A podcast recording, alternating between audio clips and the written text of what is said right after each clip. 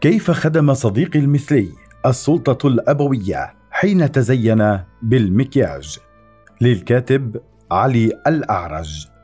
في مجتمعاتنا ذات النهج الشمولي هناك الكثير من القضايا الإشكالية التي تصادف الأفراد والفئات والتصنيفات المقبولة اجتماعيا واحيانا يتم تفسير المواقف منها بطريقة غير عقلانية ولا تخضع لأي منطق. ربما واحدة من هذه الإشكاليات هي مفهوم الهوية الجنسية. في أحد الأيام اتصل بي صديقي وكل منا في بلد ليخبرني أنه قد انفصل عن زوجته نهائيا وبعد نقاش طويل نسبيا. صرح أنه بعد زواجه بفترة بدأ يشعر بشيء غريب في داخله واكتشف لاحقا هويته الجنسية كمثلي وأنه ينتمي إلى عالم مختلف كليا من المشاعر والأفكار. حينها عندما أخبرني بتلك السرعة المتدفقة بدأ الأمر بالنسبة لي مفاجأة غير متوقعة. ربما لأني كنت أعلم تفاصيل حياته القديمة كنا فيها متسكعين في المسائل الجنسية مع الفتيات. لكني تعاملت بشكل تلقائي على أن الموضوع هو خيار شخصي. بغض النظر إن كان هذا الخيار ناتج عن مشاعر أو رغبات خاصة أو أفكار للتجريب. بطبيعة الحال الخيارات الشخصية دائما لها أولوية إنسانية بغض النظر إن ناسبتنا عقائديا أم لا. استمرت صداقتنا بشكل اعتيادي إلى يوم جرى فيه اتصال فيديو. كنا نتحدث حول الكثير من الأشياء إلى أن نهض صديقي واستخدم أدوات مكياج وبدأ بتزيين وجهه في المرآة الجانبية. وحينها بدا نقاش طويل حول مسألة المكياج نتج منها في المحصلة بحسب رأيه أني شخص ميال إلى البطريركية كآلية التفكير. طبعا كانت هذه واحدة من المعضلات سوء التفسير المتشنج إزاء موضوع المثليين وطريقة فهم خاطئة حول أي موضوع يقترب من خصوصياتهم الحياتية أو الخيارات الخاصة بهم. أنا بطبيعة الحال هويتي الجنسية مغايرة وأميل إلى النساء وكان اعتراضي على فكرة مكياج صديقي ليس لأنه مثلي الجنس بل لأن ثقافة المكياج الذي نقوم به كسلوك يومي هو في الجوهرة نتاج تقسيم جندري واقتصادي وتاريخي فرضته قوة سياسية ذات بعد أبوي على المرأة في مرحلة ما كي تكون أكثر قبولا جماليا وجنسيا في المفهوم البطريركي. بشكل أبسط. إننا ككائنات بشرية ننتمي لمفهوم الطبيعة كوجود فلسفي وثقافي ومع عملية تمدننا المعاصر إلا أنماط بل فكرية وسياسية ودينية تحدد أشكال وعينا وثقافتنا المرتهنة للنظم الاستهلاكية الحديثة والتي يشكل فيها مفهوم المكياج وفلسفته جزءا كبيرا من هذا الارتهان الوجودي. فكرة المكياج ما هي إلا عملية تقوم على إرضاء السلطة الأبوية. ذلك حين تتجمل المرأة على سبيل المثال وتغير في شكلها وتصرفاتها من أجل إرضاء ذكر أحمق أو بطريقة تبريرية أخرى تقوم بالتجميل من أجل نفسها وليس من أجل الآخر. لكن عذرا سيدتي أليست فكرة شعورك الشخصي بالجمال هو في مضمونه ناتج لرغبتك أن تكوني أكثر إثارة جنسية للآخرين أن تكوني مقبولة للمزاج الذكري التلقيحي. طبعا أنا لا أدين هذا التجميل من أجل تحقيق المآرب الجنسية والتي هي سلوكيات موجودة في عوالم أي كائن على الأرض الإنسان والحيوان. لأن المأرب الجنسي هو جزء من مفهوم الوجود للطبيعة التي تقوم على مسألة التناسل الذي هو أساس وجوهر الحياة قبل أن تعلو مفاهيم الجنس الفلسفية. لكني أشرح فقط فكرة المكياج كشيء معاصر استهلاكي اقتصادي مفترض من قوة تتحكم بالوعي الجمعي.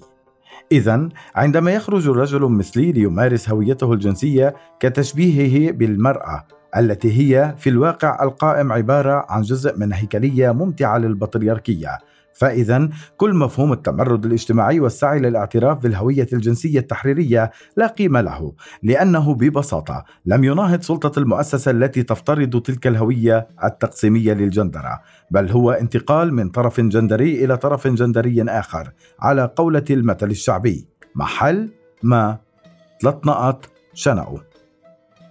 ما هي المشكلة أن تكون مثلي جنسي؟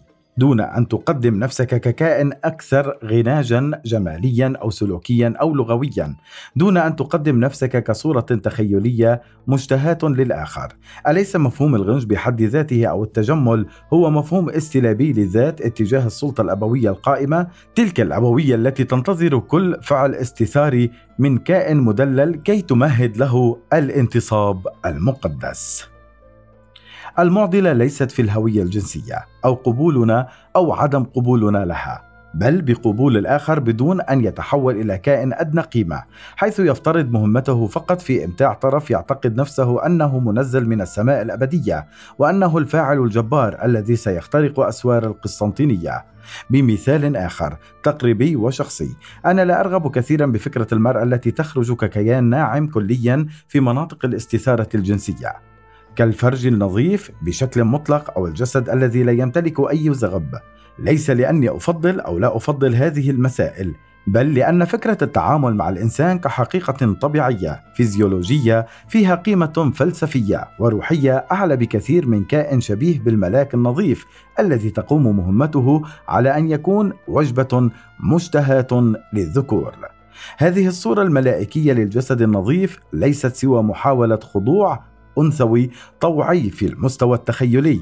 إنها فقط عبارة عن سفائن لحمية جاهزة للامتصاص والالتهام والاختراق بصورة كلية وخاضعة لقوة السيطرة الذكرية التخيلية بأسوأ صورة اغتصابية. بغض النظر إن كانت هناك طبائع فيزيولوجية لكل كيان إلا أننا نتحدث هنا عن ثقافة متوارثة اجتماعيا للمهمة التي تقوم على كل كائن بشري. وبنفس المعنى المثلي الجنسي في عملية المكياج كمثال يمارس ذات الصيغ التي تمارسها الفتاة في تقديم نفسها كوجبة للذكر. إنها استلاب طوعي للذات من أجل إرضاء السلطة البطريركية. ما هي المشكلة؟ أن تكون امرأة بشعر طبيعي ينمو في الجسد دون أن تشعر بموقف الضعف أو السخرية الذكرية الاجتماعية منها إن لم تحلق مناطق الإثارة من أجل ذكر يتبجج بالحرية طبعا سيخرج البعض كالعادة ليتحدث بلسان شبه علمي أو شبه ديني عن أن الموضوع مسألة نظافة وليس كما قدمته في سياق الحديث وطبعا سأقول لك بإختصار بحياة أختك لا تحلف على المصحف. مصدقك يا رجل. ولو مو بيناتنا هالسحبات التبريرية الذكورية. وحلفتك بأختك لأنه بعرف عم حلفك بالغالي حسب وعيك. وأختك ها مو أمك لأنه بحسب ثقافتك أمك تم استهلاك أنوثتها على الأيروس الأبوي.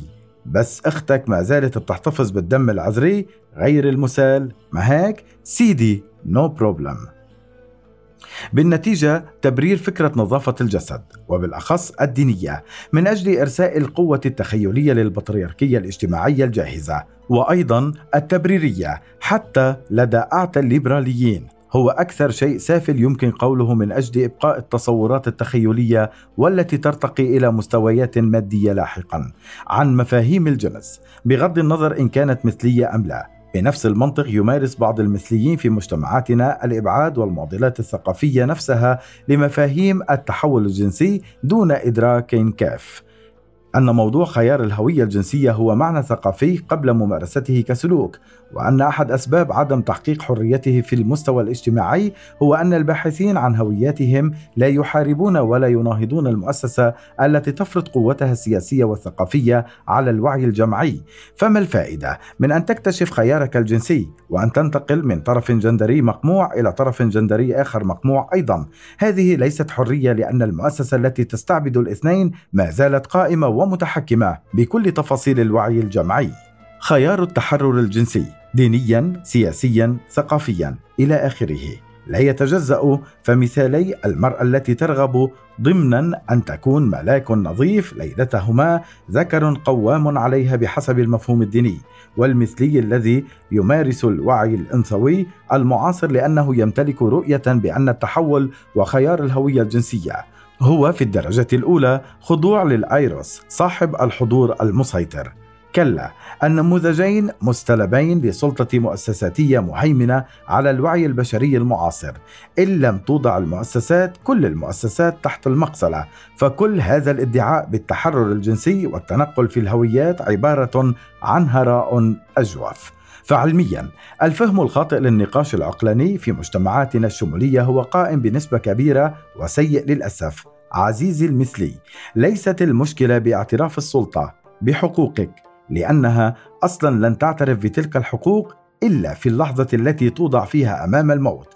بل المشكلة الحقيقية هي أن تمارس هويتك الجنسية دون أن تشعر بأنك الكيان المدلل الذي تم زراعة وعي شامل في ثقافته التاريخية بأن تلك السلوكيات المقسمة جندريا هي حقيقتنا البشرية المطلقة. بتصويري المعضلة هي معضلة وعي ذاتي تجاه خياراتنا وهويتنا الجنسية وتطبيقها سلوكيا وليست معضلة قانون للاعتراف بالهوية لأنه عاجلا أم اجلا سيعترف الجميع دولا وافرادا وقوانين بالآخرين وخياراتهم وهوياتهم الجنسية. المعضلة هي أن لا نمارس السلوكيات التي تفترض التقسيم الجندري إزاء ذواتنا. الجنس فلسفة المتعة. إذا ليست بحاجة لوضع تلك الفلسفة وتطبيقاتها المادية داخل صناديق تعبر عن حدود مقبولة في وعينا الجاهز. يعبر المقال عن وجهة نظر الكاتب وليس بالضرورة عن رأي رصيف 22